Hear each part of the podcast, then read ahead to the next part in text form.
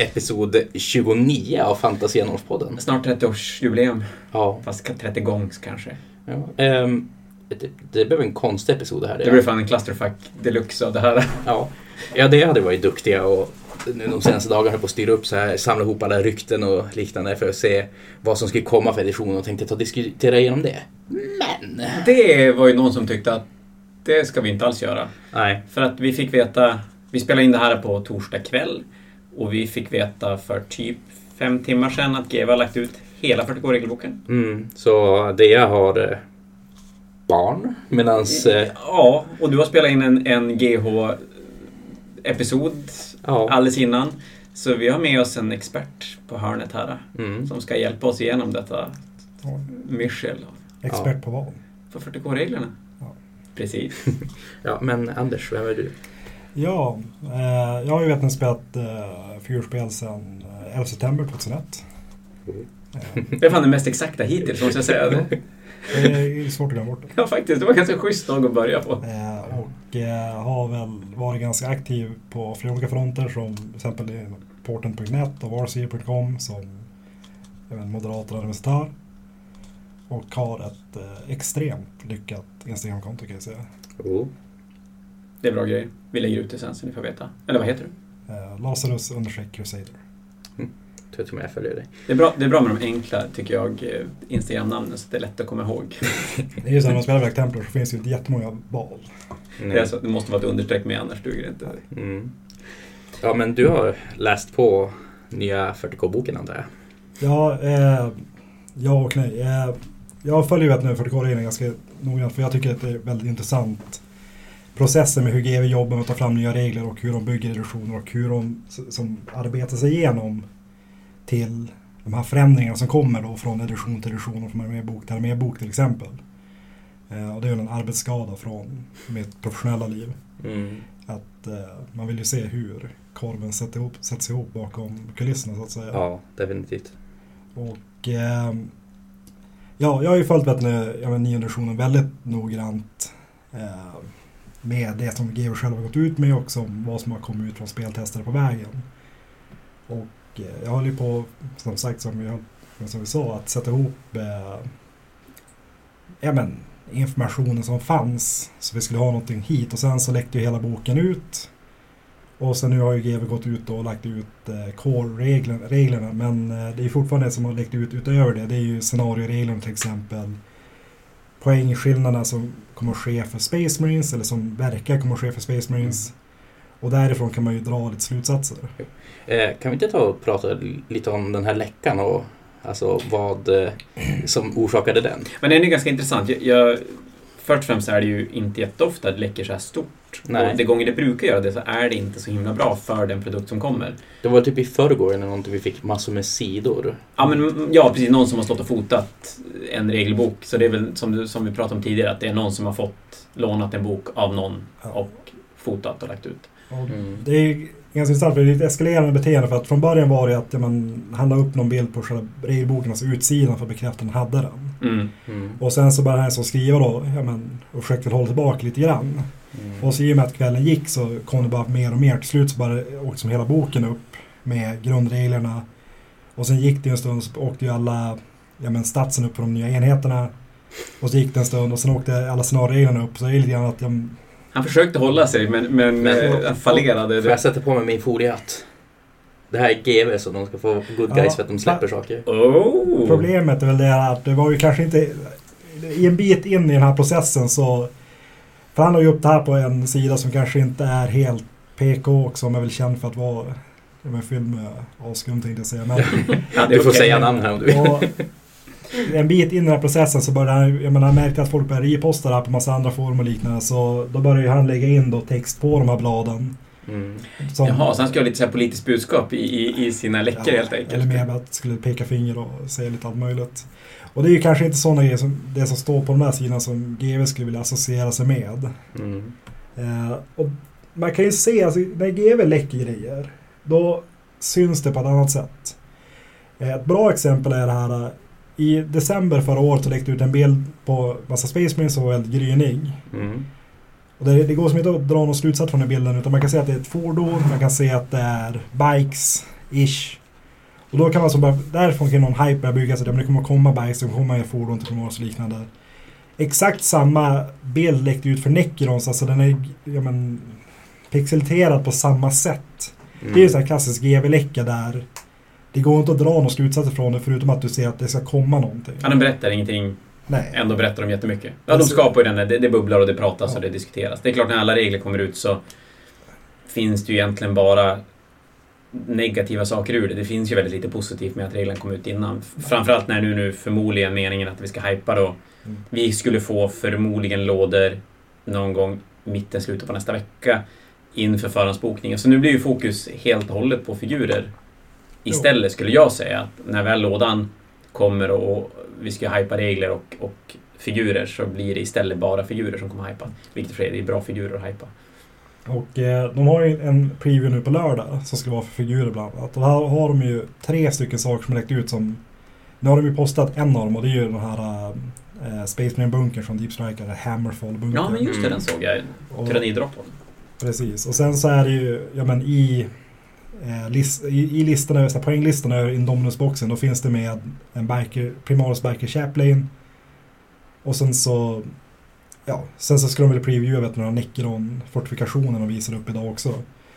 Och då har de så fått gå ut med det här tidigare, frågan, vad kommer de visa upp på lördag? Är det bara som Chaplain-biken i så fall, som inte har kommit ut än? Spännande att se om de... Eller kommer de gå ut med mer, alltså Ja. så här, som matchar Necron-leasen och fast med mer Primaris-grejer? Men spännande att se om det är så att de gör... De har, de har en planerad reveal och att de sitter med extra grejer ifall det skulle läcka. Eller om det är så att de, de har en planerad reveal och det är den de håller sig vid och så får de anpassa den lite grann efter vad som hinner läcka fram till dess. Ja. Däremot, alltså. Allting som vi ser nu från den nya Primars Range, det var ju redan ganska mycket med förra. Men satan vad GW tar, tar efter Starcraft på grejer. Men är det dags att ge igen, tänker jag? Starcraft har snott av dem. Nu jävlar, nu, nu är det payback. Vi satt och pratade om det här innan och jag tycker det här är alltid intressant rent ut som, om man ser det från ett kulturellt perspektiv. Att de GW-designers som designade allting för tredje editionen, vilket är den bästa Mm. 40K-versionen. De växte ju upp på ja, men, början av 80-talet. Referens, Vi återkommer till den, Ja.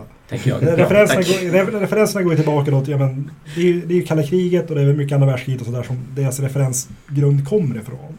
Mm. Det är ju ändå 30 år sedan som tredje editionen kom ut. Och När kom Starcraft Jo. 1 och 2? Så där. Men det som är att då de här designersen som finns nu, så han som har designat mycket av Primaris Rangen, han är ju ganska ung.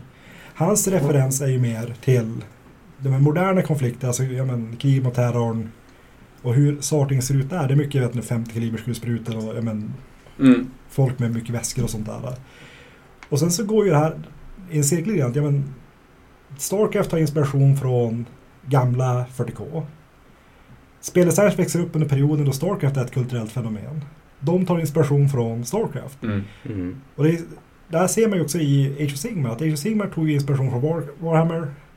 Och nu så är eller sagt, Warcraft. eller? War, precis, Warcraft tog inspiration från Warhammer. Age of Sigmar tar inspiration från Warcraft. Mm. Mm. Och det är ju både så här, men hur sortingen ser ut och hur, vad man förväntar sig från en setting till exempel. Jo. Det är som den där storyn där jag berättar med de gyllene storm... Ja, men just det World of Warcraft-grejen. Ja, precis. Jo, men det är klart, det är väl svårt att inte ta inspiration från saker som är så pass ikoniska och har Ja. blivit så ikoniska. Jo, men också att det är så lite som den... Att Warcraft har ju gått in och gör sin egen så här, som moderna fantasy-stil på saker. Att GW försöker göra ungefär samma grej. Att de vill hitta sin egen nisch så att säga. Att Ja. allting ska vara mindre hur det skulle vara typ i Tolkien och mera hur det skulle vara för Games Workshop. Ja, men precis. Och 40K är väl också så att de, de känner att de vill hitta... Även om de har varit ganska egen där så handlar det ännu mer om att, att branda sin egen stil som passar, som du säger, som passar bättre in i, i det moderna. Ja. Det måste ju de dra referenser som folk kan relatera till. Men sen ska vi bara backa, det är inte 30 år sedan tredje editionen och den är inte den bästa editionen. Men det blir ett helt är annat 19 år- poddavsnitt. 19 år sedan. Och ett helt annat Precis. poddavsnitt. Mm. Men det är egentligen så att tredje editionen är den bästa rent visuellt, alltså hur de presenterade 40K. För det finns ingenting som slår det i någon av de senare böckerna. Är det för att det var en Black Templar på framsidan eller? Nej, nej. Det är delvis det. det är delvis det, ja precis. Alla vet att bästa 40K-editionen, det är 30K. Nej, kanske Nej, jag tror jag inte. ska gå nu. Alltså, nu, nu, nu blir det mycket här. Först sitter ni och inte nämner andra editioner när ni pratar bästa editioner, men... Eh, jag, jag lägger min röst på åttonde edition. Oändlighetsedition. Ja, men Men det är som, jag tycker att mycket matchar ju faktiskt vad som händer nu. Alltså när GW gick från tredje, fjärde, femte. I det här med att du har en, en grund, ett grundsystem där det inte sker jätteradikala förändringar mellan editionsbytena. Och det är det de här nya generationsreglerna visar att det är väldigt små förändringar. Man, man städar upp mycket små grejer, man, ja, man gör, man är som bara skruvar lite grann. Det är ingenting så här jätteradikalt som sker i grundreglerna. Nej, men det är väl så det brukar vara. Ja, eller, Att, att det går fyra, fem editioner som bara är tweakar och sen kommer det en Jo. jätteförändring. Nu har det för sig inte hänt så många gånger, det har egentligen bara hänt två gånger i 40K. Och typ tre gånger på fantasy-sidan. där har ju vet, nu hoppet från första till andra är stort. Jag Ja. räknar inte riktigt första Ja. som en Men edition nästan. andra tredje. Ja, den är stor. Här. Och sen ska du se typ så här, sen har du tredje, fjärde, femte i princip samma spel. Mm. Sjätte, sjunde är sin egen grej. Åttonde är sin egen grej. Och så nionde då är, är en... En förlängning av åttonde. Precis. Mm. Och jag är lite på lur på att de hade tänkt släppa nionde versionen tidigare. Alltså att... Eh, Tror, alltså tidigare rent, inte bara corona ja, jag, jag, tidigare utan rent... jag, jag tror att, jag tror att vet, nu den ska komma ett med, alltså de ska börja lägga upp, alltså hypa den mer under ett, ja, men, Psyche Awakening-processen, alltså typ i februari. Ja, jag- Så- så ja, jag- mer då. Jag skulle kunna tänka mig att en, en planerad release eventuellt skulle kunna vara någon gång i... Tid, nej, alltså jag tror inte att vi pratar mer än kanske två, tre veckor tidigare än vad det egentligen är. För om man kollar Age of Sigmar, när det kom förra svängen, kom första helgen i juli. Jo, de gillar just det här datumet för att göra... Ja, de har gjort de senaste editionerna har de gjort det. Att det- är första helgen i juli som har varit som... Men nu är det ju en månad för sent då, så är det. Men det är mer också bara med att när man börjar prata om det och när man börjar som mer gå ut med det. Ja, men då hade vi haft en reveal på Adepticon om det hade varit som vanligt. Ja, En, en större. Fråga inte om den här pixlade bilden lades ut för att revealas på Adepticon. det tror jag absolut. För det är klart att lägga ut den så tidigt som de gjorde var är ju som inte vettigt. Men när vi pratar om, om läckor och hur, hur det påverkar saker. De två stora läckorna jag kommer ihåg är ju Ork-kodexet från sjätte editionen 40K Mm. och Sylvaneth-boken till Age of Sigmar. Den stora jag tänker på när, det var ju, vad hette det, Grey Knight-kodexet också. Green också när Dread Knighten kom. Exakt, för Och alla trodde det var en fake för de trodde inte att en Dread Knight kunde finnas på riktigt. Inga baby carriers 40K. Nej men det, det det gjorde var ju att både Ork-kodexet och Sylvaneth blev ju så att hypen pikade ju före boken kom till försäljning. Mm. Och det var ju jättenegativt. Sylvaneth framför allt straffades ju enormt mycket av det. Kanske en vetenskap där att de säljer exakt vid hypen så att säga. Kan vara att de har räknat på det här. Och frågan är ju vad det här gör. Nu är det ju ganska nära inpå. Jag tror att jag, jag gjorde faktiskt en, en riktig fuling som jag nog knappt får göra för GV. Jag eh, gjorde en sån här pre, pre-order erbjudande. Och, och den kan man ju säga att folk är sjukt peppade på den här lådan. Enormt peppade på den här lådan. Fördelen är att folk har väl ett behov, av- ja, men, ett Warhammer-behov som kanske inte tillfredsställs i nuläget. Jag vet att jag har ett otroligt. Ja men det är klart, det har ju varit lång tid och alla, man pratar med alla turneringsspel. Ja men när man pratar med Daniel på Mm. podden, helvete så han har abstinens av att spela 40K. Jag som också varit här lite dag, idag under alltså, dagen. Så Mm. det är ju jättemassor folk bara Hej, går, går det att fixa en låda? Hej, går det att fixa en låda? Hej, Ja. går det att fixa en Det är så låda? Ingen som nämner GH alltså. Jag blir så arg. Nej, den stackars GH, den hamnar lite grann i, i kläm. Ja, det är intressant för GVs sätt att lägga upp det här nu när de går ut i... Var det i söndags de berättade att nu på söndag ska vi kunna börja förhandsboka lådan? Nej, den 11 ska vi börja förhandsboka lådan. Mm. Men vi då enligt GVs regler får inte börja ta förhandsbokningar. Och det är egentligen också tveksamt till att vi får ta det även om vi inte tar betalt, vilket är ju ganska löjligt kan jag tycka det är. Men ja, lådan är ju super, superhypad. Vad ska de göra? Kan inte komma hit. Kan Nej, inte du sälja svårt. bokningsplatser på lådan? Att de- Ja men det är ju typ det, det det blir så löjligt när man ska så här komma runt regler som i sig är ganska dum. Jag, jag köper releasedatum att, att man inte får börja sälja saker för en viss tid. För det, det skapar ju en hype och då kan man göra något kul den dagen. Mm. Och så blir det inte så att ju närmare Nottingham man är, ju tidigare kan man sälja sin låda. Men att jag inte skulle börja förhandsboka... För jag menar, direkt de lägger ut den informationen är ju den öppen för alla. Det är ju inte så att den är senare för någon i Nya Zeeland eller någon i Sen tror USA. också att folk som får lådan tidigare, det dödar lite grann hypen för vissa som inte har fått den. Alltså, typ läser Ja. man så här online om Luminef-lådan, folk som har fått den tidigare, det är ju bara alltså, hat mot dem så Mm. att säga. Att det är som den delen också. Men det där är väl lite grann signal för tiden också då. Eh, Men det ska bli helt intressant att se eh, nu i helgen. För jag vet om att många av de här vet, internetpersonligheterna som får tag i lådor och liknande Mm. kommer att börja ja, producera material från Mm. lådorna. Alltså i ja, men, battle reports och ja, men, Jag, såg en de hade lagt upp ett tre veckors schema på hur de skulle gå igenom alla regler till exempel. Ja. Eh, och ja. Det fallerar ju ganska rejält nu. Nej men det är Eller är det här- fortfarande intressant att titta på? Ja, det är det ju. För att det är just det, att det, det, jag tycker det är ganska svårt att se på hur faktiskt det här kommer påverka spelet. Mm. Som, det är ju vissa grejer som man kan säga, men terrängreglerna gör stor skillnad. Jo. Och det, det är att många av de här skyttlinjerna menar kommer att försvinna. Mm. Problemet jag känner med många influencers och liknande som har fått det, att det är som inte riktigt folk som spelar utan att det är mera den typen av människor som visar upp produkter. Att Alltså, de kanske inte har lagom insikt för att kunna Nej, jag tror också det. För problemet med influencers blir ju till mångt och mycket att deras jobb är ju att bli influencers. Jag menar, man borde ju topp, hugga topp fem på typ LVO och alla större turneringar och ge dem en grej. Ja, och så sen ja, sätta, sätta dem och så sen ta med någon GV-snubbe som är duktig på att redigera och duktig på att styra. Och så bara sätta dem i ett rum och bara nu ska vi snacka regler, nu ska ni få berätta vad ni tycker om det här. Mm. Det är några av dem, de är ju faktiskt ganska high level-spelare. Som, ja men de har vunnit turneringar och liknande. Ja, jag kan tänka Så mig att det finns en del, så är det ju. det är, Men vi bara ska namedroppa någon, alltså vem skulle ju rekommendera att man kollar på för att få ja men Tabletop Oss. Tactics. Det är det. fantasien? Fan, aldrig vad menar med den här. Fast vi har ingen vi, vi, bok vi än. pratar ju om bra Nej, vi har ingen spelare. bok, ja, just det. Och folk som vinner matcher. Nu är nu pojkspolningen som började 2001, på min tid! Precis. Jag kan ju säga det så här, ja det jag har spelat, har ju spelat 40K Fantasy ganska, ja, men, jag ska ändå säga regelbundet, sen 2001. Och jag tror att vår, ja men vad är det, jag tror att du har vunnit en match i Fantasy och en match i 40K. Jag har... Ja, jag trodde vi fortfarande demospelade. Ja just det. My bad, my bad. Ja. Då tar vi det på riktigt nästa gång. Det skämtet var du gammalt för typ 10 år sedan.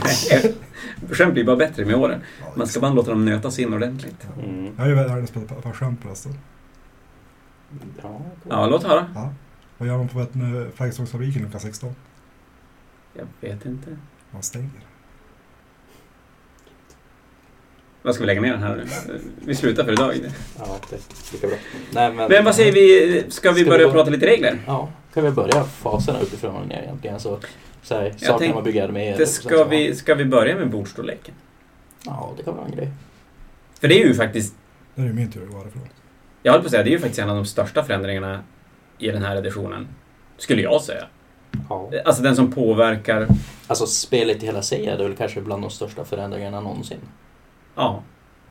Ja men, jo, men så är det ju definitivt. Och, och det, det dyker upp massa så här följdfrågor och problem om man pratar turneringsmässigt. För först och främst har vi helt plötsligt för första gången någonsin ett 40K, ett, ett fantasyspel som inte spelar på samma bord. Mm. Eller lika stora bord. Och det är ju knöligt. Och sen blir det ju väldigt svårt som turneringsarrangör att veta, ska jag förbereda för den här bordstorleken? Är den här bordstorleken som kommer att vara? Eller kommer det att sluta med att det spelas på någonting annat? Ska Mm. jag säga klippa mattor eller ska man tejpa upp mattor? Så den, den tycker jag är lite lurig. Sen vet jag inte spelmässigt. är väl det är ganska svårt att säga hur det kommer påverka spelet. Ja, jag fick höra från en speltestare som sa att eh, det gör jättestor skillnad och att det är ett mycket bättre spel med den här nya bordstorleken. Alltså motivera varför man tycker det eller vad? Nej, nej, vad är den nya inte det, bordstorleken förresten? Den är, nu ska vi se, den är drygt 6 tum mindre djup. Och vad är det, nästan 12 tum mindre bred, tror jag. Men det där ska jag inte svära på för jag kommer inte ihåg siffrorna i, i, i huvudet. Men det är någonstans där är det. Mm. Det, det blir ju lite grann, jag vet Star Wars-spelen spelar ju på ett mindre bord. Mm. Samma sak med Malifaux. Malifaux spelar på mindre bord. DCU. Det är väldigt, däremot är det ett väldigt konstigt mått de använder nu tycker jag. Undrar om de bara drog fram det ur arslet när de skulle det är bestämma. samma som två stycken kill team mattor Nej, men det är så ja, det är fyra kill team mattor Ja. hopsatta, är det.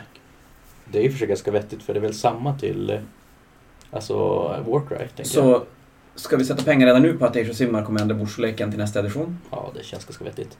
Du Så, ska ju sätta emot. jo, men jag kan ta och sätta pengar på att eh, om ganska precis ett år så kommer vi få nya Age of Sigmar edition. Och så sätter jag på att de kommer att byta stor bordstorlek. Ja. Så kommer plus minus noll. Ja. ja, fett. Det blir bra. För det som händer med mindre bordstorlek, för 40K har ju haft ett problem ett tag med att som range på alla vapen blir för lång. Som, för det kan du ju se, men hur var det tidigare? Du gick och sköt med ditt färgvapen och kunde du skjuta ett skott på 12 tum. Och nu kan du skjuta två skott på 15 eller ett skott på 30 med en Space Marine. Mm. Och en mindre bordstorlek gör ju då att du kan inte ha det här djupet mellan enheterna på samma sätt. Och att du kan som inte bara ställa dig i något hörn och skjuta ihjäl allting. Samma sak, det här, allt det här går ju som ihop då med reservregler och med terrängreglerna. Men då, det innebär ju att rangen på vapnen kommer att spela mindre roll för att du är mycket närmare hela tiden. Ja, men det är också som, du kommer ha mer mobilitet i spelet. Och det är det här som ska bli så spännande att se på hur det faktiskt tar formen. Att du kanske inte kommer ha den här med att eh, Ja, tror det kommer bli mer att du springer runt, ja, men runt hörnen på byggnader och kanske försöker hitta reda på enheter istället för att bara ställa rakt upp och ner i mitten på bordet och skjuta ihjäl allting. Mm. Och, så den mindre bordstorleken gör också att du kan ju spela aggressivt på ett helt annat sätt. Eh, Och det är jag måste ta, ta det nu, men som ett exempel. Ja. Så tänk dig att du möter en orkarmé som har en hord orkarmé. Så spenderar du command point för att sätta två enheter i reserv, så du har 60 boys i reserv. Och sen så spenderar du command point för att deepstrika 30 boys. Och sen så där jampar du 30 boys. Då har du 120 boys som kommer vara men, någonstans mot motståndarens sida av bordet, runda två. Det är faktiskt ganska jobbigt. Och med, en mindre, med ett mindre bord då, ja men då kan du som inte så här turtla upp det på samma sätt för att du kommer att bli, då blir du tokomringad och sen är det ju kört. Mm. Och ja, nej, jag är lite så här, jag är ju en sån här fanatisk 6x4 människa. Och är väl lite så anti att de håller på att fippla runt med bordstorleken men jag är spänd på att se. Det, är ju, det, det skapar ju en massa problem. Det måste ju vara i alla fall två företag i världen som inte tycker det här är så himla bra. Och det är väl Mm. Deep Cut Studio och GameAt.eu som kan tycka att det här är Är det inte halvkul. jättebra för dem för de får sälja mycket mer nya mattor? Ja, i och för sig kanske det också. Jag hoppas att de inte har så stora lager på mattor då, utan att de Mm. direkt kan bara göra om det. Men de kanske print on demand ganska mycket. Så att, Ja, jag kan tänka mig det. Annars har man säkert en maskin som bara skär till allting i rätt. ja, förmodligen. Mm. Men det... Ska vi gå vidare till spelbräden och terrängen eller ska vi ta arméerna först? tycker vi kan gå in på arméerna nu. Vi går arméerna först. spelbord lite grann. Så. Vad är det som förändras? Eller alltså, hur får man command points? Det är väl det som också ska bli skillnad på. Ja, eh, det är att de lägger till en command-fas och eh, det sker egentligen eh, Alltså de stora grejerna som sker med command points det är först att du kommer tillgång till mer command points i grunden. För 12 command points verkar vara standard nu och tidigare var väl någonstans 9 command points var väl kanske standard innan matchen började. Har du en Battleforge med så får du command points under matchens gång och sen spenderar du command points för att låsa upp eh, detachments. Istället för att låsa upp detachments och få command points. Så ett exempel min eh, imperialistarmé landar på ett, ja, 12 command points plus en D3 och sen får de en till command varje runda. Det gör ju då att jag kommer kunna bränna ja, men, bolter drill eller liknande varje runda utan att känna en förlust av command points i det. Och så elitarméer kommer ju då få tillgång till mer command points än de fick tidigare och du kommer ju se mer stratagems och enheter kanske än vad du såg tidigare som inte hade ett extensberättigande då. Just för att ja, men, du hade inte resurserna att hålla igång som en dina custodes-enheter eller liknande. Mm. Och Sen i den här command-fasen så du kommer ha vissa regler som används i den. Till exempel Chaplain Litanies verkar som ett bra exempel som kommer att aktiveras. Kommer det... Ja, det görs i command-facen. Jag skulle gissa på det. Och sen är frågan, vad är det mer som kommer vara där? Kommer Mm. till exempel så här, auror och sånt gälla i command phase? Det vet vi ju inte än. Men det är ju att det öppnar ju upp för möjligheten att det kan ske förändringar där saker sker i command phasen. Det är någonting 40K har saknat ganska länge. Det är ju någonting som är innan moment-facen. Mm. Just den här beginning of face. Jag vet från Magic till exempel att det är ju ganska bra att ha ett... Det är egentligen ganska bra att ha någonting före själva rundan börjar, någonting i slutet när Ja. hela rundan har slutat. Jo, i Age of Sigmar är det ju så mycket så att du vill som ha verktyg för alla faser. Att eh, du ska kunna göra någonting i din hero phase. ehm, alltså, och Mm. din shooting phase och din eh, combat phase för att ha en effektiv armé. Ja, och det, det, det tycker jag de ska försöka göra i 40K också. För det är ju så att de arméerna som gör saker i få faser är oftast ganska... Jag säger det här, tråkiga. Och man kan ju som hoppa in lite på command-fasen med de nya reservreglerna. Och det är ju det att du kommer kunna sätta enheter i reserv genom att tala command points. Uh, Main command points beror på hur hög power level du sätter i reserv. Reservenheter kommer in i andra rundan. eller i tredje rundan. Kommer in i andra rundan så är det sämre än de kommer in i tredje rundan. Det påminner ganska mycket om hur det är nu va? Ja, fast nu är det ju att du, behöver, nu kan du så köpa till den specialregeln till enheter Jag tänkte just vart, när de fick komma in och, Jo, och hur de. Vart de fick, när och vart de fick komma in. Ja, och då har de ju skrivit in det i, ja, men, i scenarioregeln också att ja, men det står att ja, men du får inte komma in från reserver runda ett. För tidigare var, det, var ju det en FAQ-lösning. Mm. Och jag ser just att du kan sätta mer olika typer av enheter i reserv. Det gör ju att som spelare så måste du vara förberedd på att ja, men det kommer komma elitenheter in ganska nära dig i runda två om du inte är försiktig. Hur hanterar du att det kommer två Redemptor Dreadnoughts nio tum bort runda två? Hur hanterar du om det kommer ja, men, Custodes-enheter? Du kan ju, så här, om du är en Custodes-spelare kan du ju sätta sätt tre enheter i reserv till exempel. Vi har ju sett vissa arméer han spela på det här sättet redan nu. Om man tänker typ Invicto Battlesuits Ja. till Space Marines har ju haft det där att de är i ansiktet på motståndaren. Speedstealer, Speedster Jeanstealer som var... Speed Gene Steelers också är ju sådär sjukt snabba. Och det, men det är ju så att då, hade man, då var det ju mer en begränsad mängd. För då visste de om att möter du Space Marine då kan det komma en Invictor. Mm. Och är det Raven Guard kan det komma Assault Centurions eller någonting. Men nu är det ju verkligen allt. Du vet ju inte om, sagt, om det är en horder som kommer komma eller är det vet, nu, elitenheter. Är det fordon eller är det menar, de små grejer.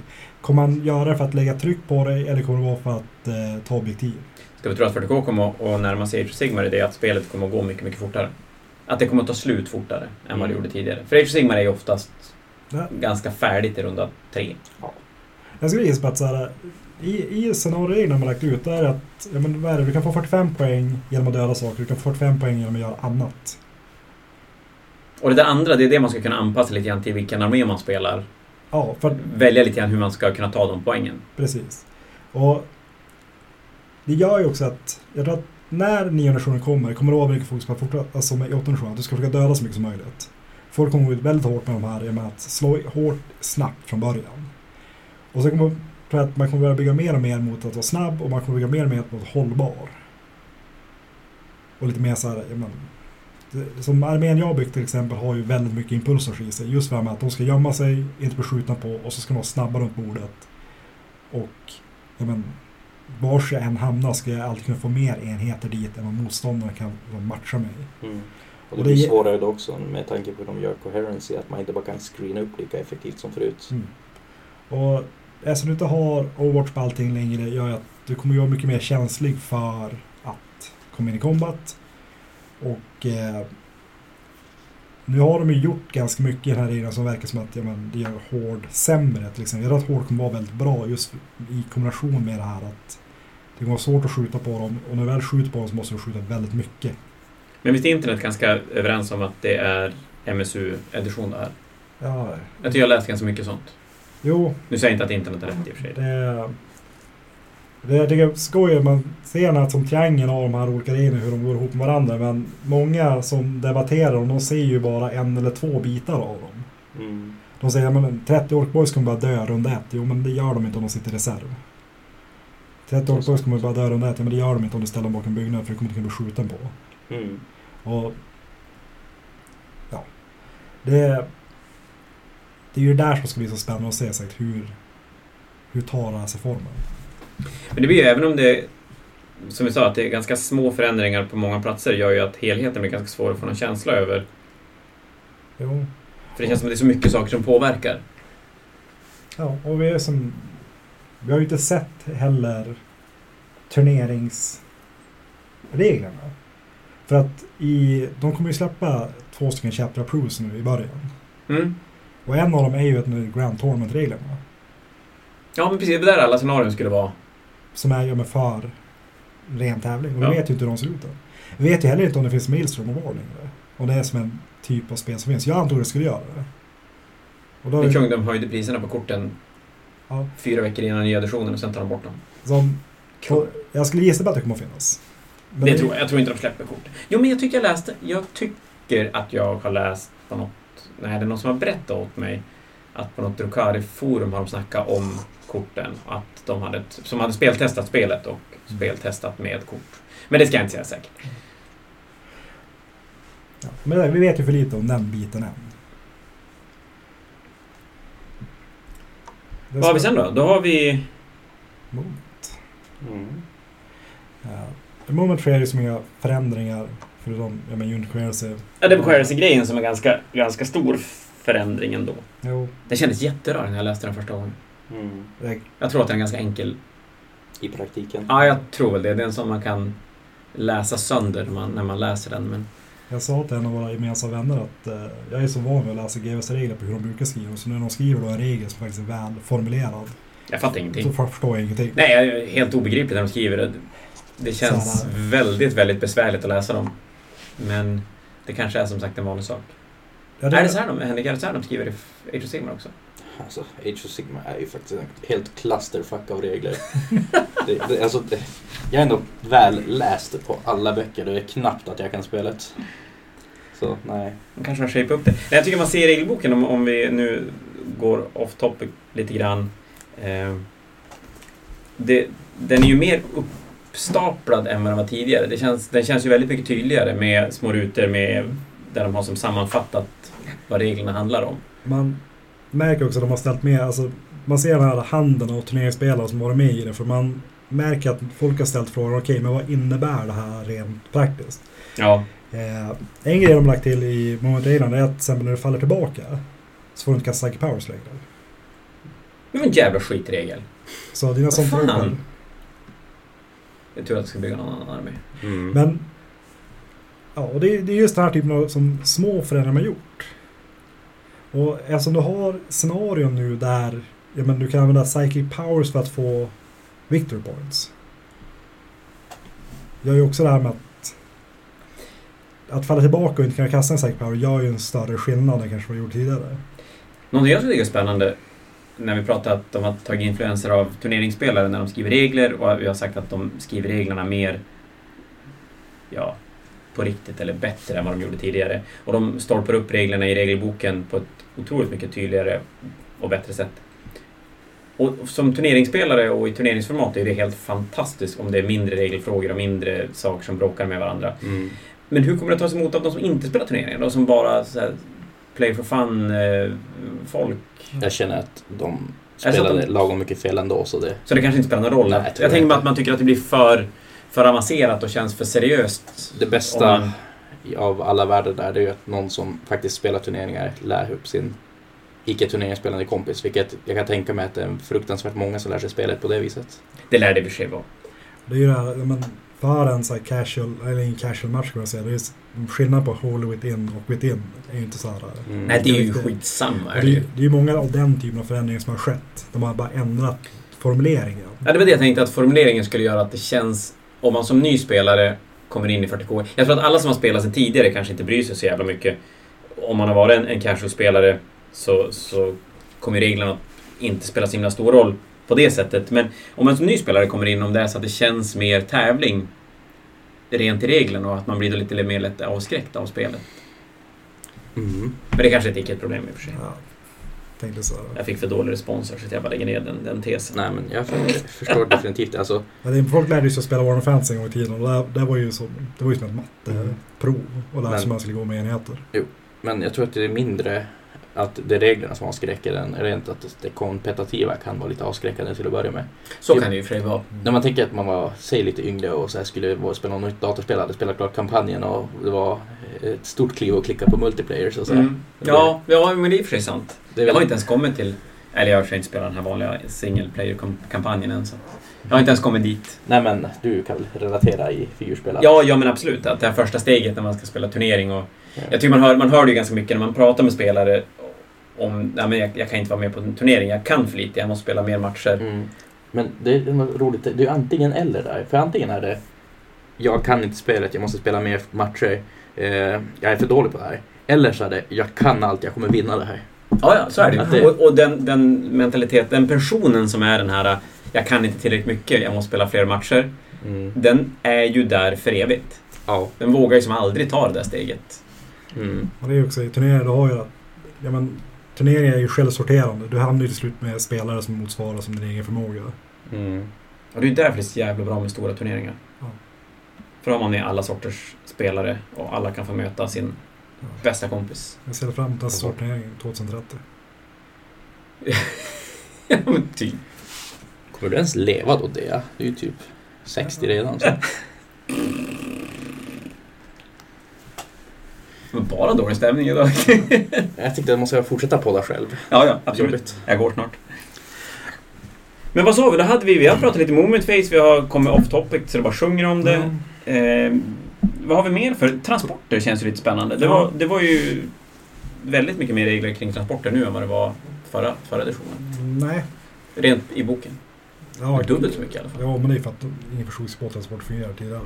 Det de har gjort är att de har ju ändrat till exempel att eh, nu måste du deploya 3 tum Holy within transporten. Simon, om du lyssnar på det här. Då hade jag vunnit mot dig om vi hade spelat nionde. Det gjorde vi inte.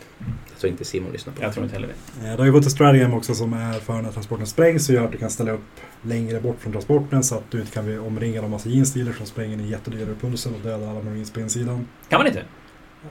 Jag har aldrig, vet, aldrig sett det hända men Jag försökte men jag misslyckades. jag lyckades. Måste det ha varit strategin som gjorde att man kunde Ja, hoppa ut längre? det är Ja, det är och för sig vettigt. det, vi kommer komma till det sen men det, det, det har kommit till en bunt stratagem som är generiska så att säga. Ehm. Annars är det så att, ja men, om man ser det som fordon också, man är inne på rätt sport, är att du får ju inte slå om tärningen för om en transport eller ett fordon exploderar längre, vilket gör att fordon blir lite farligare att hänga runt. Då blir de här strategemen som, som, eh, där man spränger fordon automatiskt blir ju vettigare. Också. Ja. Och då kan inte Bebbe hålla på och slå om för att vilja spränga sina fordon. Precis. Ja. Det blir bara bra det här. Men sen är det flyg har väl ändrats mycket. Jo. Ehm, och där skulle jag erkänna att jag faktiskt inte läst in jättemycket på dem. Men det, där kan man säga så här. Det som har hänt egentligen är att eh, i grova drag det är att eh, du kan inte move-blocka med flyg längre. Om flyg inte kan placeras så kommer de gå ut i reserv istället så de kan komma in nästa runda. Eh, det finns inget flyer detachment längre. Så du kan inte ta ett detachment med tre flyers. Utan de måste vara inkluderade i dina ordinarie attachments. Så förmodligen, nu är det svårt att säga då, men förmodligen färre flyg. Och eh, när flygplan lämnar combat så räknas det inte som att de har fallit tillbaka. Vilket gör att du inte håller fast dem med nät och annat sådär roligt som finns. Men då tycker jag ändå det låter som att flygen har nästan blivit bättre. Mm. Eller? För de kunde väl inte moblocka förut heller? Jo, alltså... fuckar de inte det? Jo, de FAQade ju det. Men det gick ju fortfarande... Då kunde du inte... Nu kan du ju ställa en modell... Kan man ställa på flygbasen på, ett tag? Precis. Som jag har förstått det. Det lät ju faktiskt inte alls något vettigt. Nej, ställa modeller på baser, det, det, det har vi haft en Age of Sigma edition av. Fruktansvärda grejer redan. Och eh, du kan inte så att trigga Heroic Interventions med flyg. Att man kan inte stå på flygbaserna, så det är lite grann... Så det de har gjort egentligen, det är att de har stoppat in den facken som kom för att begränsa moment blocking av... Med, med flyg. Jag trodde, jag trodde ju att flygen skulle ändras mer. Ja, men Jag hade förväntat mig en större förändring på flygplanen. Fast det gör... Nu kan man inte få mer än minus ett to hit. Precis. Och det gör ju i och för sig jättemycket Ja. nackdelar till flyg. Eller ger väldigt mycket nackdelar till flyget. Så flyg var ju bra för att du kunde stacka vet, med minus att träffa dem. Eller att du kunde ta väldigt många flygplan. Ja. Och nu kan du inte göra något av dem längre. Nej, att inte kunna ta mycket flygplan, det gillar jag. För det är, jag tycker inte det är roligt med 40K när det är sex flyg som inte spelar spelet. Mm. Som Och- gör någonting annat. Ett eldarflyg som inte kan stacka minus på att träffa lever inte särskilt länge. Ja, det dör ju bolterdöd. Ja. Eller typ Heavy Stubber-döden. Men hur blir... Jag tänkte... Ja, just det. Den strategin de har som ger minus ett och hit, den gäller inte bara på flyg, den gäller på allt. Så det är helt enkelt bara inte värt att använda den på flyg längre. Precis. Och Alight och flyg kommer vi inte att se så jättemånga av. Kändes ganska värdelöst faktiskt. Jo, Men på tal om eh, saker ur Codex som påverkar nya regler. Det känns ju som att de borde börja pruppa ut sig Codexar ganska fort. Till den här, för nu är det ganska mycket stora förändringar som mm. påverkar Codexar, strategems och liknande. Jag har ju en, väldigt, en ganska vild gissning. På en av de första kodexarna som kom ut. Deathwatch. Death Guard. Death Guard. Men Space Marines och Necrons först. Jag tror inte det kommer att vara Space Marine Codex. Tror du inte det? Om Men det- Necron Codex måste ju komma. Ja, För den... det tror jag kommer komma. Jag tror däremot sagt att uh, Space Marines kommer att få vänta för det är ju bara det är ju mindre än ett år sedan Space Marine-boken kom. Det är inte dubbelt så lång tid som Space Marine-böcker brukar finnas. Mm. Oh. Ja, Så- nej, men, men, jag ty- men jag tycker att jag läste att Deathwatch skulle få en bok. Ja, det ryktas ju.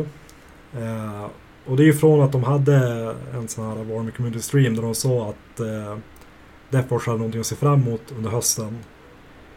Och att, ja men... eh, Och så att de inte fick en egen... Psychic Awakening är väl också en liten sån där um, som Precis. folk har läst in i det. Att, så, varför gör de inte det? så ska, jag, så här, ska man dra den här vilda gissningen lite längre, då ska jag säga Death Guard, Death Watch, Eldar.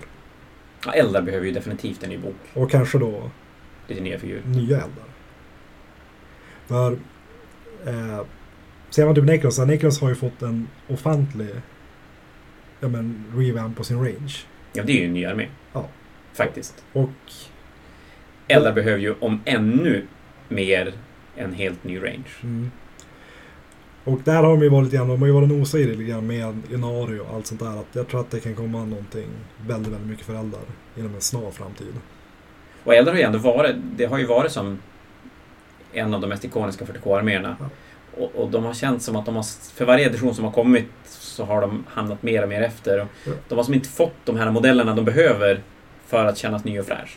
Det, det har man märkt speciellt tidigare att så här, GVs sätt att skriva regler så att de har haft en, ja men, ja men, de har haft tre punkter som varit, ja men det är eldar som är snabba och tål inte mycket men slår hårt. Orker som tål mycket, slår hårt men tål mycket på ett annat sätt. Och så Space Marines som har mycket pansar. Mm.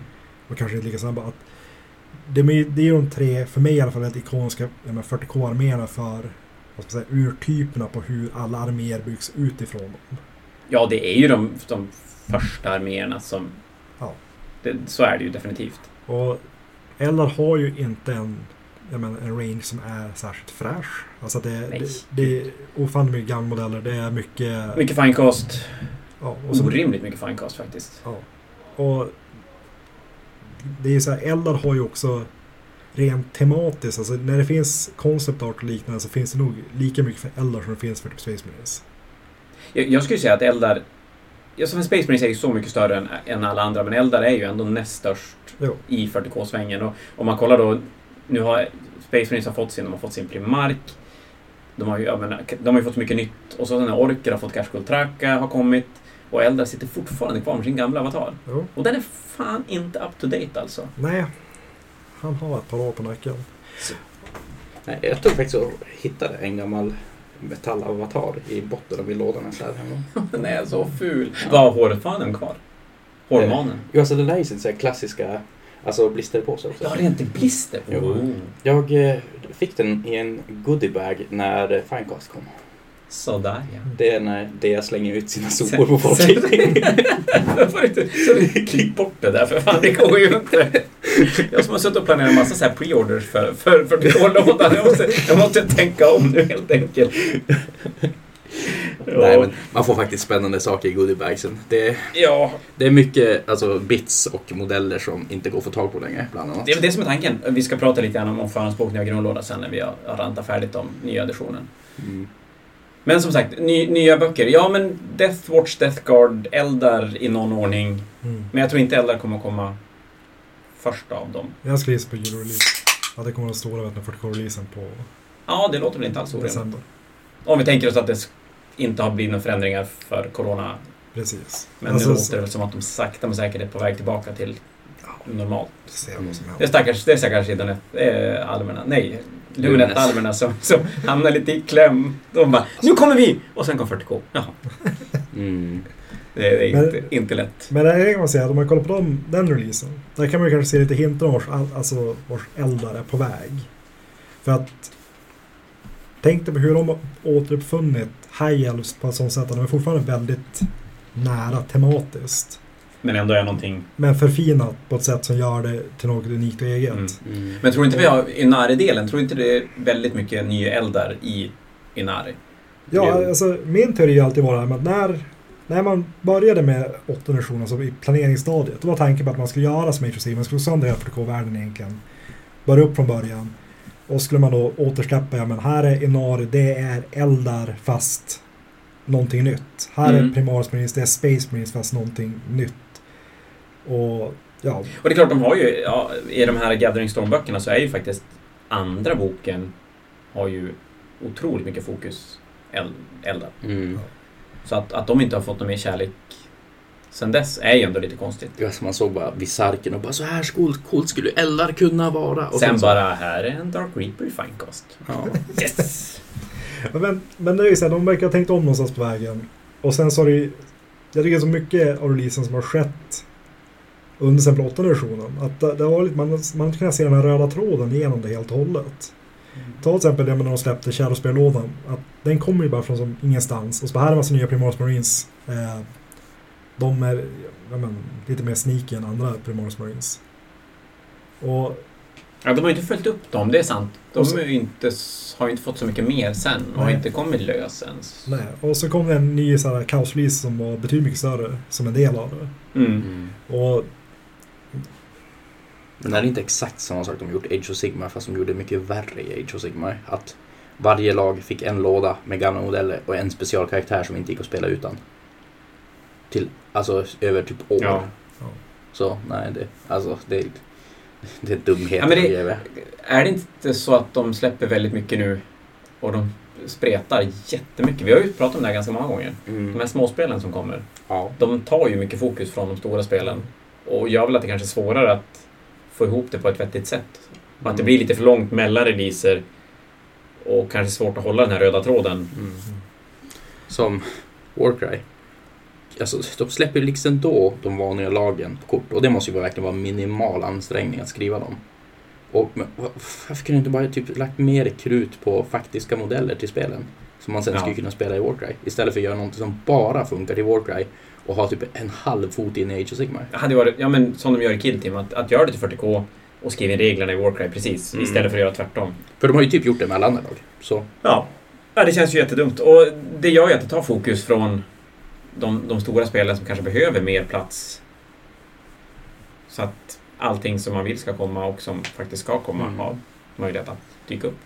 Och med åttonde versionen speciellt, det är ju det här. Det vart ju, det vart ju ett sånt pass bra spel, så, men du hade ju det här med att de konstanta FAQ-erna som gjorde förändringar. Att du ofta kände jag att man, ja men det hade ju som inte, som start, alltså du, hade, du kunde ju starta upp en ny armé till exempel. Och så köpte du det du började göra, bara måla och hålla på. Och sen när du är färdig, då har de släppt en FAQ liknande som har förändrat hur armén fungerar. Ja. Och det finns ju gott och ont i det, men jag tycker Space Marines var ett bra exempel. av Att där släpper de en bok som är väldigt, väldigt bra. Det, det går två stycken stora turneringar till att vara. Och sen så är den ju FAQ så att den fungerar på ett helt annat sätt. Och sen så kommer generationer efteråt. Så att så förändringen har varit väldigt snabba och väldigt stora. Lite för snabba för ett figurspel, där du ändå måste spendera ganska mycket tid på målning och byggande för att få ihop din armé. mm. Det kan man ju hoppas att de, att de har lärt sig att det nionde... Jag, jag uppskattar ju förändringarna i att de försöker rädda spelen, eller inte rädda spelen, det var att ta i. Försöker fixa problemen i spelen. Men det får ju inte gå alldeles, alldeles för fort. Precis. Och det är inte så här, det är inget, om man ändrar som core-reglerna och med förfinar språk och liknande så blir det Mm. klart man ska göra. Det är ju bara positivt. Eh, samma sak kanske med att om du höjer poängkostnaden på någonting en eller två gånger per år. Eller, Ja, men det, det gör ju inte riktigt lika mycket. Precis. Men det är de är- gör väldigt så här stora förändringar. Jag hade ju byggt en armé som skulle använda sig av eh, Imperial Fist superdoktrinen till exempel. Mm. Där mitt huvudsakliga tank skulle vara Heavy Stubbers. Och sen så gör de om det då så att det fungerar var första rundan. Då är ju som hela konceptet på min armé ska fungera har ju som fallerat. Och då måste jag ju tänka om Mm. i ett ganska sent stadie egentligen på var jag är någonstans i Ja. armébyggarprojektet. Och där klart Space Marines var lite speci speciell där. Att de blev... Thirad amuletten försvinner i Age of Sigmar. Som kommer vara en keypoint i min Ogre med bygga. Men du är inte bitter. Nej, inte speciellt faktiskt. Jag får bygga något annat. Det är en snygg armé. Så är det definitivt. Men så, vi, vi täckte lite, lite nya, eller inte nya, lite enhetstyper som förändras i transporter och framförallt flygen som ändå får en, en som det verkar, jag vet inte, inte stor förändring men det kommer nog påverka spelet ganska mycket ändå. Eller de kommer att, se mindre, de kommer att ta mindre plats i spelet, förmodligen. Så Ja, kanske man ska precis. säga. Jag kommer nog vara lika kritiska för en bra armé. Och jag tror att så här, du behöver inte bygga din armé för att kontra flyg på samma sätt som du gör tidigare. Det är jättebra. Eh, Psy- Psychic, eh, stor förändring där är att eh, du måste göra färdigt alla dina Psychic Powers med en modell innan du går vidare till nästa. Vi sa väl det inspelat någon gång när jag säger att det är det jag vill att de ska förändra. Varför Det är inte? skitbra. Att de måste kasta färdigt med en cycle innan man får hoppa till nästa cycle. Jo, jag tror du har sagt det. Jag tror det, för är det så jävla rörigt? Nej, jag håller ju inte reda på det själv vad jag kastar för någonting. Känns det som någonting också kommer komma till Age of Sigmar? Ja, det är inte så Age of Sigmar. Nej. Ja, Men det de reglerna jättebra. Framförallt i de, med de nya arméerna där du kan kasta ganska mycket Ja. psychic powers. Blir det ju jätterörigt om man kan hoppa fram och tillbaka hela tiden. Mm. Eh, utöver det tror jag att det inte är så mycket. Jag kan ju säga att jag har läst, det här är första gången jag läst Psychic Power-reglerna i detalj i något 40K-spel någonsin. Och jag kommer aldrig läsa dem igen efter det här. Så- Men det är ju faktiskt den bästa typen av psychic fas de har haft. Ja. I åttonde, jag utgår från att det blir samma i nionde, om man jämför med alla andra editioner. Tredje till exempel var en helt fruktansvärt värdelös psychic Ja, face. det, det går. De hade inte ens en psychic face. Alltså, nu ska jag inte vara den, men jag älskade sjundes Psychic Face. Där man fick hålla på med tärningar och investera som i powers man ville få igenom och hålla på så. Det var... Alltså gud, visst det tog lite mer tid och det var krångligt. Men det, du la alla dina tärningar för att en Psychic skulle få igenom det speciella spelet så exploderade han och dog spektakulärt istället. Det var... Det är för ganska roligt. Ja. Men jag vill ändå säga att åttonde är Jo, i sak bättre. absolut, det är Mm. det är ju mycket bättre Cyber. Det är mer en principiell fråga för mig. Mm. Men att det är det är också exempel på just den här typen av förändringar som görs. Att det är små förändringar som nog kommer ha större inverkan på spelet ju längre in i spelet vi kommer. Absolut. Det kommer framförallt den här att, man alla, att en cycle måste kasta färdigt sina cycle powers kommer ju definitivt att speeda upp spelet. Ja. Ganska rejält. Jag tror också en grej som, i och med att, de har ju poängen att, och hur sättet de har skrivit de här nya reglerna, är att du, du, de tar bort mycket av att du kan gard- gardera upp dig. Du, så här, du kan inte ha två cycles som har olika cycle powers så ska du som bouncea mellan dem. Utan du måste vara mer, vad ska man säga, definitiv i vad du vill utföra med din cycle och ha en plan med det. Mm. Istället för bara som, ja, men slänga ut dem och säga att det här kommer lösa ändå för att jag är så pass flexibel. Det är sant. Nej, mycket så här spelmoment för andra spelare gillar. Det finns ju... Eh, vad heter det? Batman-spelet som Night Models gjorde till exempel så tog du ju och planerade hela din runda i början av rundan. Vad dina karaktärer som där skulle kunna göra. Och det tillför ju som en ganska stor färdighet till spelet att du ska som kunna se in i framtiden lite och göra de rätta gamblesarna helt enkelt. Däremot hade jag hoppats att man kunde kasta samma cycle power flera gånger. Eller, På något sätt. eller nej på den. Nej, men varför jag tycker det? Jag, jag tycker ju att det ibland... ah, Eller att man skulle kunna ha en sån strategi som gör att man kan kasta sa- samma cycle power en tillgång. Så att man kan säkra upp vissa saker som, som en armé kan vara ganska beroende av. Men det, nu spelar jag ju en armé som är det, så jag, jag är kanske otroligt färgad i det här också, ska Mm. ärligt sägas. Jag tycker man borde kunna ska kasta min Soul Screen Bridge också med en gång. Men Eller tar vi bort hela psykefacet. Vi, är lite, vi sitter på olika delar av spelet här, känner jag. Men ska vi gå in i shooting facen då? Ja. Eh, det här är ju som heller inte så större skillnad. Den stora skillnaden är ju, är ju det här med att eh, har du väl Alltså när du, när, du blir, när du blir skjuten på och du väljer vem i din enhet som ska ta damagen så kan du inte byta till någon annan I samma fas. i samma fas. Det är ju en jättevettig regel.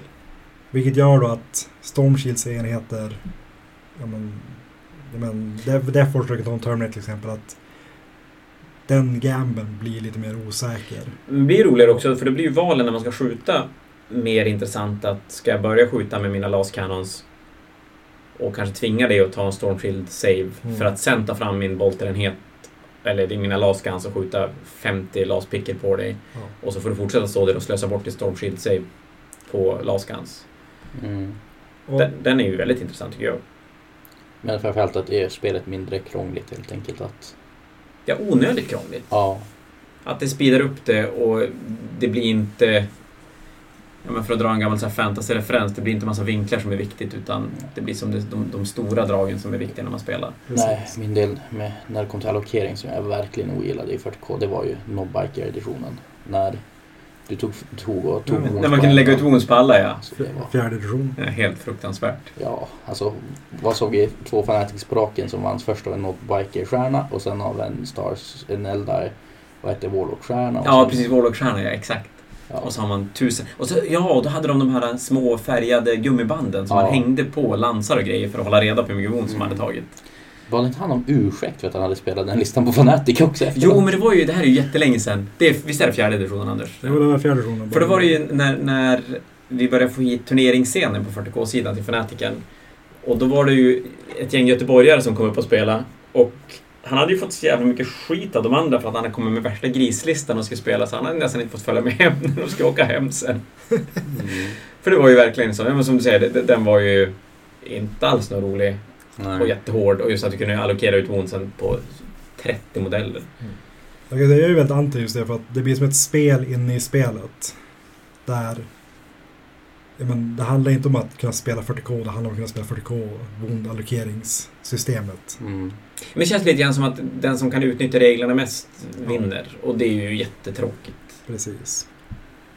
Alltså, men det kommer ju tillbaka lite grann i sjunde editionen med att den som stod längst fram tog woundet så du tog bara backade på nobbiken som hade tagit mycket skada. Ja, just det. Det hade de ett tag också. Mm. Men sånt verkar de ju ha slipat bort överhuvudtaget. Jag tror jag säger inte så att folk säger väl att sjunde versionen är den värsta 40K-versionen. Alltså den slutade ju absolut värst. Det, det var ju den som tappade mest spelare. Det, det har ju ingen annan edition gjort i Nej. den mängd sjunde gjorde. Ja, men- men jag skulle ändå våga dra argumentet att det hade också mycket med att göra att hur kodexarna hade utvecklat sig, att de verkligen låg. Att det hade börjat gå som för långt i hur mycket skada allt gjorde. Ja, och eftersom de inte räddade upp någonting och det tog för lång tid för nya böcker att komma Mm. gjorde ju att powercreepen... Powercreepen funkar ju om det kommer mycket böcker. Ja. För då märker man ju inte av dem lika mycket.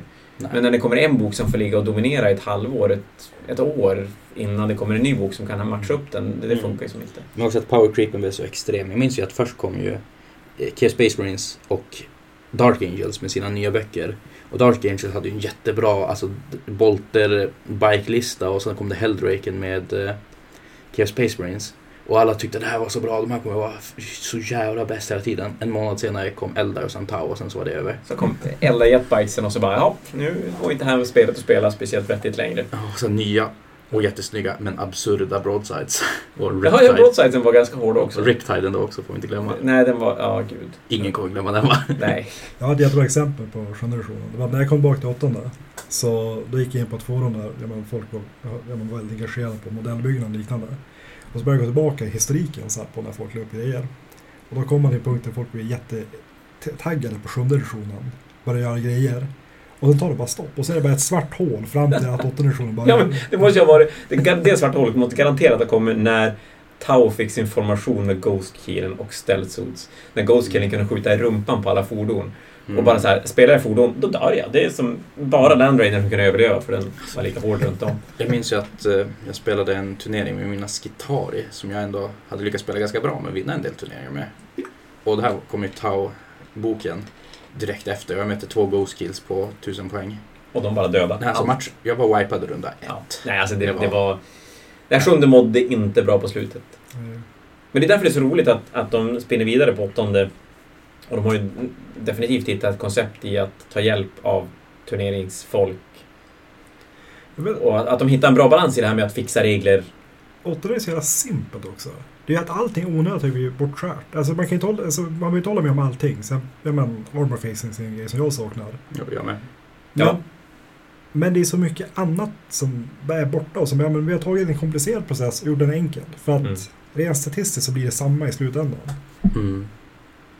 Ja, men det, är klart att man tar bort, ja men som i gamla fantasy, man har massa skitregler som aldrig används. Mm. Men de tar ju ändå plats Mm. och gör ju att allting känns jättebökigt när man spelar. Men jag känner att jag gillade mycket det som var det komplicerade i sjunde. Alltså, det som tilltalade mig att spela både Age of Sigma och 40K vid det Mm. tillfället var ju att Age of Sigma var det simpla i spelet medan 40K var det mera avancerade. Att där Ja, gick man som in och gjorde Det är ju ett problem för GW, tycker jag i alla fall, det är att spelen är lite för lika varandra.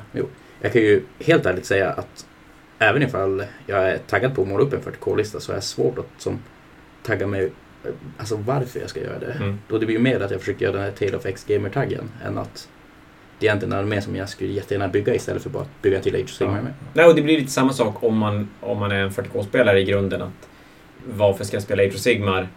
Jag spelar ju redan 40K, för spelen är så pass lika Mm. varandra. i. Jag har exakt den frågeställningen. För jag Mm. var lite sugen på att kolla in Age of Sigma och så blir det alltid i slutändan, men det, det är som samma. Mm. Rent. Fast Age of Sigmar har vi ett dubbelrunda att bli arg på istället. Ja. Det var det som många fruktade för 40K. Mm. Eh, Ja, men den, den, jag ska inte säga slapp det för det blir inget bra. Den eh, kom inte in i 40K. ja. Sen har du ju Slapp den i 40K. Vi slapp det i 40K. High Weapons. Monster och fordon kan gå och skjuta High Weapons. Ja, utan, utan penalties. Precis. Och det är också en jättestor förändring. Du har massor med enheter som helt plötsligt går från att vara ganska dåliga till att bli bra. Ja. Och du, får, du öppnar upp möjligheten att bygga andra typer av mer. Och Och så blir det ju roligare med när man faktiskt kan få mobilitet i en skyttelista. ja, absolut. Och där kan vi se exempel på impulser. Impulser har ju gått upp med, ja men min impulsor som har, jag menar är ganska hittad, den gick upp med 30 poäng någonting. Per impulsor. Mm. Och det kan ju vara kanske en indikation på var som är ganska snabba skyttefordonen är på väg någonstans. Men tillsammans med alla de här andra förändringarna, ta, ja men, ta Carnifexer. Skyttekarnifexer som kommer in från sidan. Ja, det är ju en grej. Jag menar, de skjuter så jävla mycket. Så att... Och inte får minus på att gå och skjuta med dem. Och kolla här, Tyrannofexen med Rapture Cannon som alla skrattade åt mig. Som tidigare fick stå stilla, plus ett och hit, skjuta två gånger. Eller gå med minus ett och hit, skjuta en gång.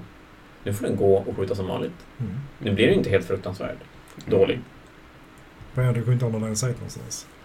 Nej, jag ska ändå bygga flamers på dem och ska spela Tyrannofexen med eldkastare och så får de chargea mig och sen ska jag elda upp alltihop. Mm. För det är ju en grej också att man får skjuta i närstrid på det man Ja, slåss med. Precis. Om man inte är ett blast weapon och alla auto-hit-vapen är inte blast weapons, upptäckte jag idag. Så blast weapons nu är bara det som egentligen gamla template weapon... Är flamer Nej. blast weapon? Nej, det är för ett auto-hit-vapen. Ja, just det. Utan, Men- utan det är gamla Blåstenplåten. det. Ja. det finns ju en lista som har gått ut på det här. Ja. Och det är egentligen alla vapen som är D6, D3. Men det är allt, typ allt gammalt som hade en template. Alltså Ja fast, runda. ja, fast det är också er som typ, ja men... Nej men eh, säg bara att jag har rätt nu. Ja, Nej, men, okej. ish. Det är också, äh, Bolt Sniper-geväret är ju ett blast weapon när den skjuter Ja, sin, det, sin, ja. sin Mm. D3-skott eller vad den gör för någonting. Mm. Eh, intressant grej också med blast weapons, det är att är en enhet över en viss storlek då kan du bara, då får du ju en, ett set mängd träffar som minimum. Just det, var, och det var om man var över 10 modeller. Ja. Eller över 9 modeller va? Ja, det är något. Jag tror att det var 9. Och det är för vapnet, det är inte för mängden skott. Så tar du till exempel en, en Thunder Fire Cannon som skjuter x antal D6 skott Mm. så är det tre träffar för hela attacken. Alltså för, all, för en skyttattacken från vapnet. Ja, okej. ja. Så det är inte att om man har 3 D6 så blir det en, tre stycken träffar per D6.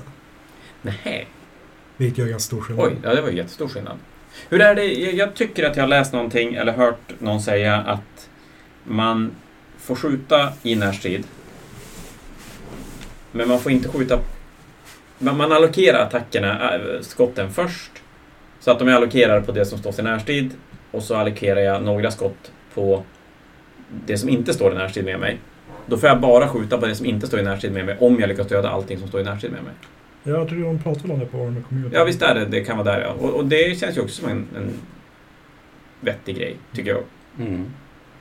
Och, Alltså monsterlistor kommer bli så mys. ja, men det är där man ser, där är ju också en grej man ser att de har gjort mycket som verkar vara negativt mot Hordes. Men saken är negativt mot Hordes av anledning. För det måste ju ha upptäckts någonting i processen att Hordes är väldigt bra. Och här har ju internet, tror jag, haft ganska fel innan. För de har ju tagit då åttonde editionen, tagit de här nya le- reglerna som läckte, eller som, som GW la ut. Och så bryter isär åttonde och stoppar in de reglerna. Och bara, men vadå, Orkboys är ju helt värdelösa. Precis. Hur kan de ha gjort så här? Men det är kanske inte riktigt så att GW kanske speltestar nionde och inte åttonde med lite extra regler. Mm. Mm. Annars har också karaktär-tolkning-reglerna blivit annorlunda. Att eh, nu är du bara skyddad om du är inom en, en, En viss tum från... vänliga enheter som är större än tre modeller. Och det gällde inte... Ja, ja men det, för det är ju jättevettigt. För jag har ju spelat en bunt 40k-matcher där man så här... Får jag skjuta på din karaktär? Ja, den är 32 tum bort. Alltså, Och den här enheten är, vänta nu, 31,5. Alltså det blir ganska drygt när man står på... Ja. Det är 60 tum mellan karaktären och enheten Mm. och så får man inte skjuta på karaktären. För. Och det är också att karaktärer kan inte stå själva och som skydd när man håller ett objektiv eller liknande. För att det har ju också mer scenarion där du har att ja, men du ska ta en enhet, du ska gå till objektiv, du ska göra någonting på objektivet i x antal runder. Mm. Så du kan inte bara ta din ja, men, Imperial-kapten och så går han och ställs på aktivet. Det här lär göra Harlequins lite mer hanterbara. Ja, För nu, nu kan de inte ta sina miljoner karaktärer och bara studsa omkring och man kan aldrig skjuta på dem för det står en Harlequin-enhet i mitten på brädet. ja, eller så vet ni, kommer de ha en miljon Harlequin-karaktärer som åker, springer runt på en massa fordon, för då är de också skyddade. Så kan det vara i och för sig också. Eh, jag tror att Harlequins kommer bli otroligt farliga i nionde editionen. De var ganska otroligt farliga i slutet på åttonde också märkte vi. Eh, jag, tror att det, jag tror att det kan vara någonting att hålla utkik efter.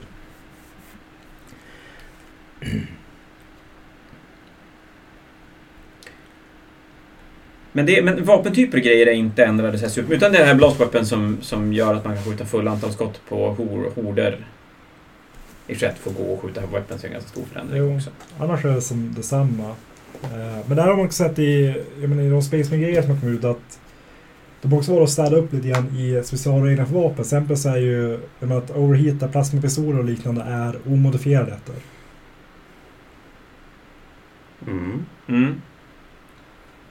Men har de gjort det enklare? Jag, jag känner, för, för det är ju en sak jag kan tycka är lite rörigt i 40K och även i Age of Sigmar, det här med modifiers och rerolls. Att du modifierar efter rerolls. Visst är det så man gör? Ehm, De, ja. Så om jag har... ja, men de gjorde ju om de FQ. i det. Så hur är det nu då? Ja, men nu är det ju som man tror att det ska vara. Så det är vettigt nu? I alla fall var det så i slutbotten. Det, det står ju inte någonstans än i den här boken hur Riros kommer att fungera.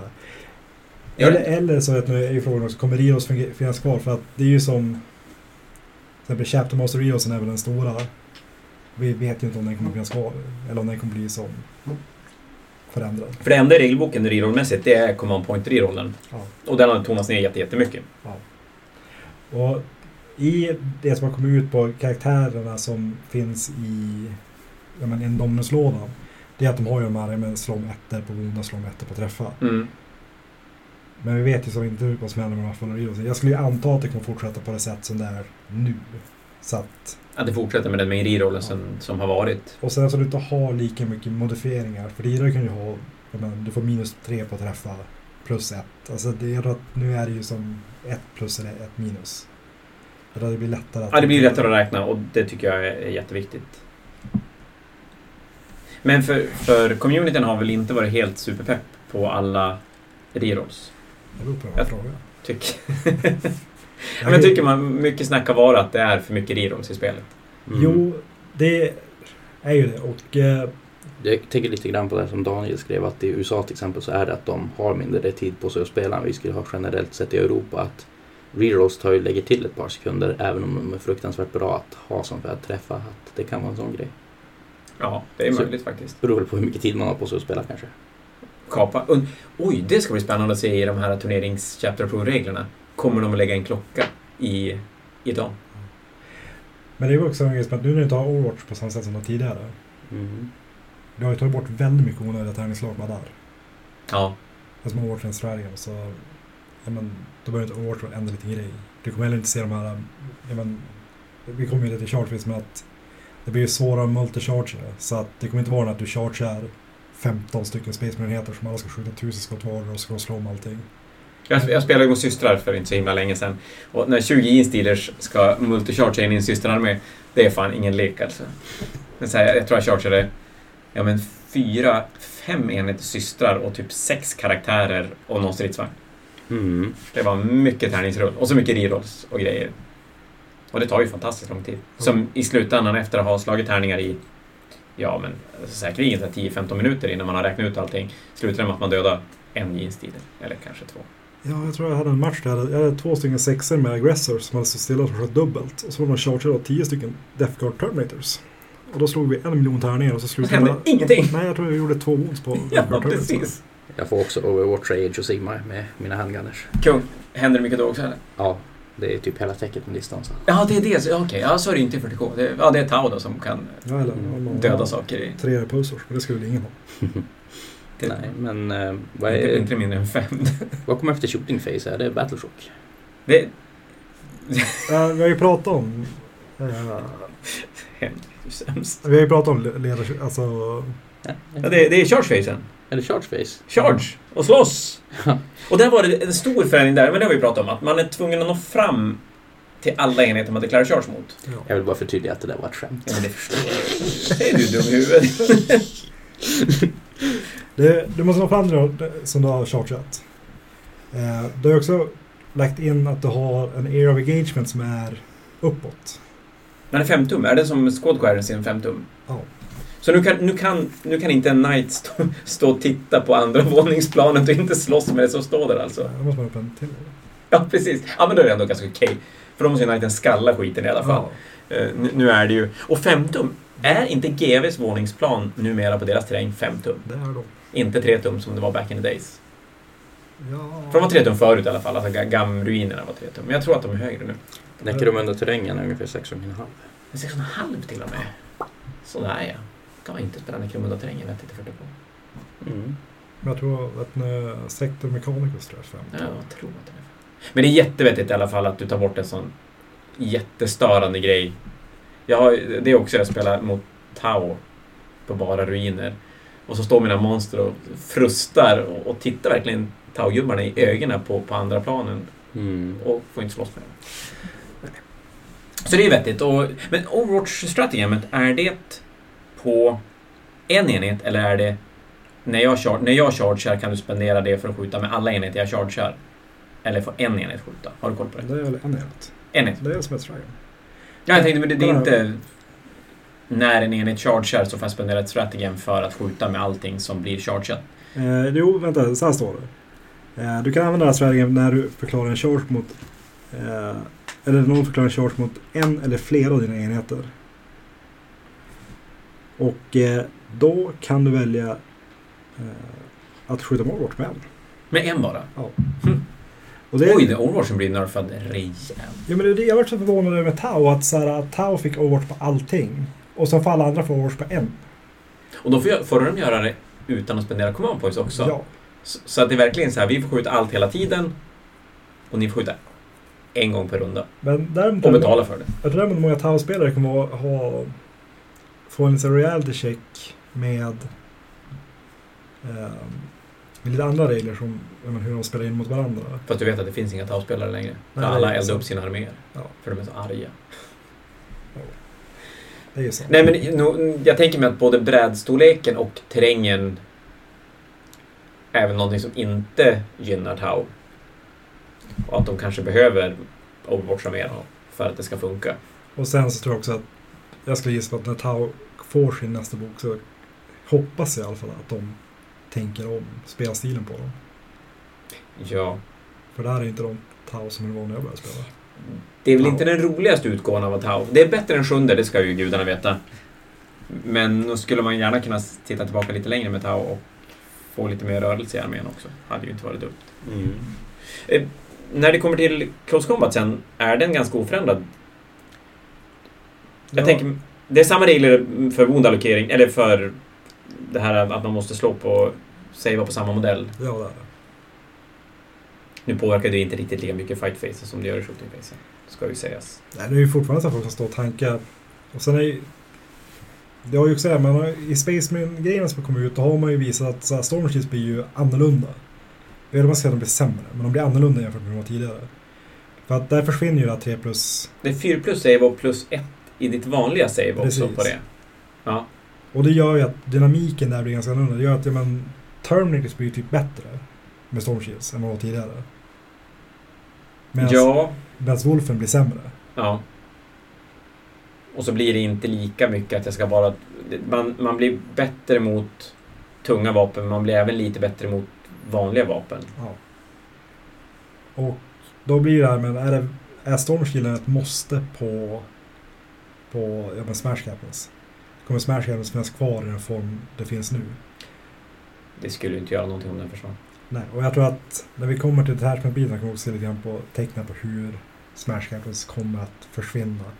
Och vi har inte sett heller ja, men, reglerna för ja, men, Thunderhammers eller vad kostnaden på Thunderhammers kommer vara. Jag, jag tänker mig att Smash Captain-modellen kanske tappar lite grann av hur man får targeta karaktärer. Och det är också att du kommer ju kunna låsa upp saker på samma sätt som tidigare. Därför nu är det... Nu, kan, nu får du gå ur närstrid Men du kan spendera, ett command, du kan spendera- command point för att låsa fast saker i närstrid. Och så sen fanns det något command point, något strategi som gjorde att du kunde lämna närstrid även om du var omringad va? Ja, jag tror inte du kan spendera command points för att hålla fast folk i närstrid. Kan man inte göra det? Nej, men det är så här, du kan, du kan spendera command points på att komma ut om du är omringad. Så du Ja. kan gå genom motståndarens enheter. Eh, Men visst fick man lämna närstrid? jo, Eller är det samma som tidigare? det tror jag är samma som tidigare. Däremot får du inte lämna närstrid och skjuta till exempel om du har fly. Så det har blivit lite, jag tänker mig att det är jobbigt att inte kunna låsa fast saker i närstrid. En sak som, som vi pratade om, det, det är ju det här med Heroic Intervention, att, att du får slå på den som den karaktär som kliver in i dig. Det tycker jag är jättebra. Ja, det gör ju att... ehm, Ja, men den regeln blir inte lika bra. Den blir ju också det här med att... Det är sak där, att det var ju som att om du visste om att... Ja, men, man håller koll på Heroic Intervention så var som ja, men jag, jag inkluderar den här modellen i chargen. Även fast jag chart, alltså när jag chargear. Det är som en grej som... Det det till slut att folk sa ju bara, ja men jag chargear allting inom 12 tum. Ja, när man möter arméer som inte skjuter så mycket, då gjorde man ju det. Ja. Och det är också tillbaka till det här med tiden. När jag chargear in en karaktär där som har en volt pistol. Tiden det tog att slå den extra tärningen kanske inte var riktigt värd. Mm. Faktiskt. Men om du ska slå play så ska du slå alla tärningar. En och en. Mhm. Jag menar, det är inte klocka på turneringen. Väl, nej, nej. Jag, jag, jag förespråkar inte slow play. Det, det, då är man lite douchig. Där, där är man ingen, ingen vettig människa. Nej. Men jag ser Anders, du kollar och kollar på den här fotokopierade. Japp. Det är in, GW har inte lagt ut lika mycket som den va? Alltså, det, det har man ju lagt ut eh, call-reglerna. Och det som egentligen skiljs från det här som någon har fotokopierat är ju att i en fotokopierad variant så finns det med eh, scenarierna också. Mm. Ja, och Stratagems också. Och terrängreglerna. Och stratagems. För de är inte med i det GW har lagt ut. Ja. Och på tal om absolut ingenting, eller A40K. En eh, Necron Droppod som klär av sig. Helvete vad cool den var. Yep. Mm. Ja, vi måste ju... Vad ska jag spela i Telewaste Gamers? Necrons. Nej men, Det är ju nästan så att ni, de har... det är så jobbigt. Ja, men, Summa summarum. Vad säger vi om nionde? ja, det är väldigt åttande. I grunden, alltså rent regelmässigt. Fast de stora förändringarna sker i saker runt omkring. Bordstorlek, terräng och Så att- reservregler. Då tror jag att det kommer att dröja, och framförallt med Corona, att det kommer att dröja minst ett halvår, ett, åtta månader innan vi börjar se vart nionde är någonstans. Mm. Det kommer vara cirkus. Det är Alltså, skitkul. Ja, men det, alltså, det ska bli jättespännande att se. För att det finns, det finns så många sätt där du kan ta det här regelsystemet nu. Och du kan prova så många varianter. Ska du komma in, alltså, ska du ha hordes? Ska du gå fullt Mm. ut elit? Ska du komma med 30 Terminators? Alltså, Det är ju nu folk får bekänna färg. Mm. Vilka som är duktiga på att bygga listor och knäcka spel och vilka som är duktiga på interneta. Mm.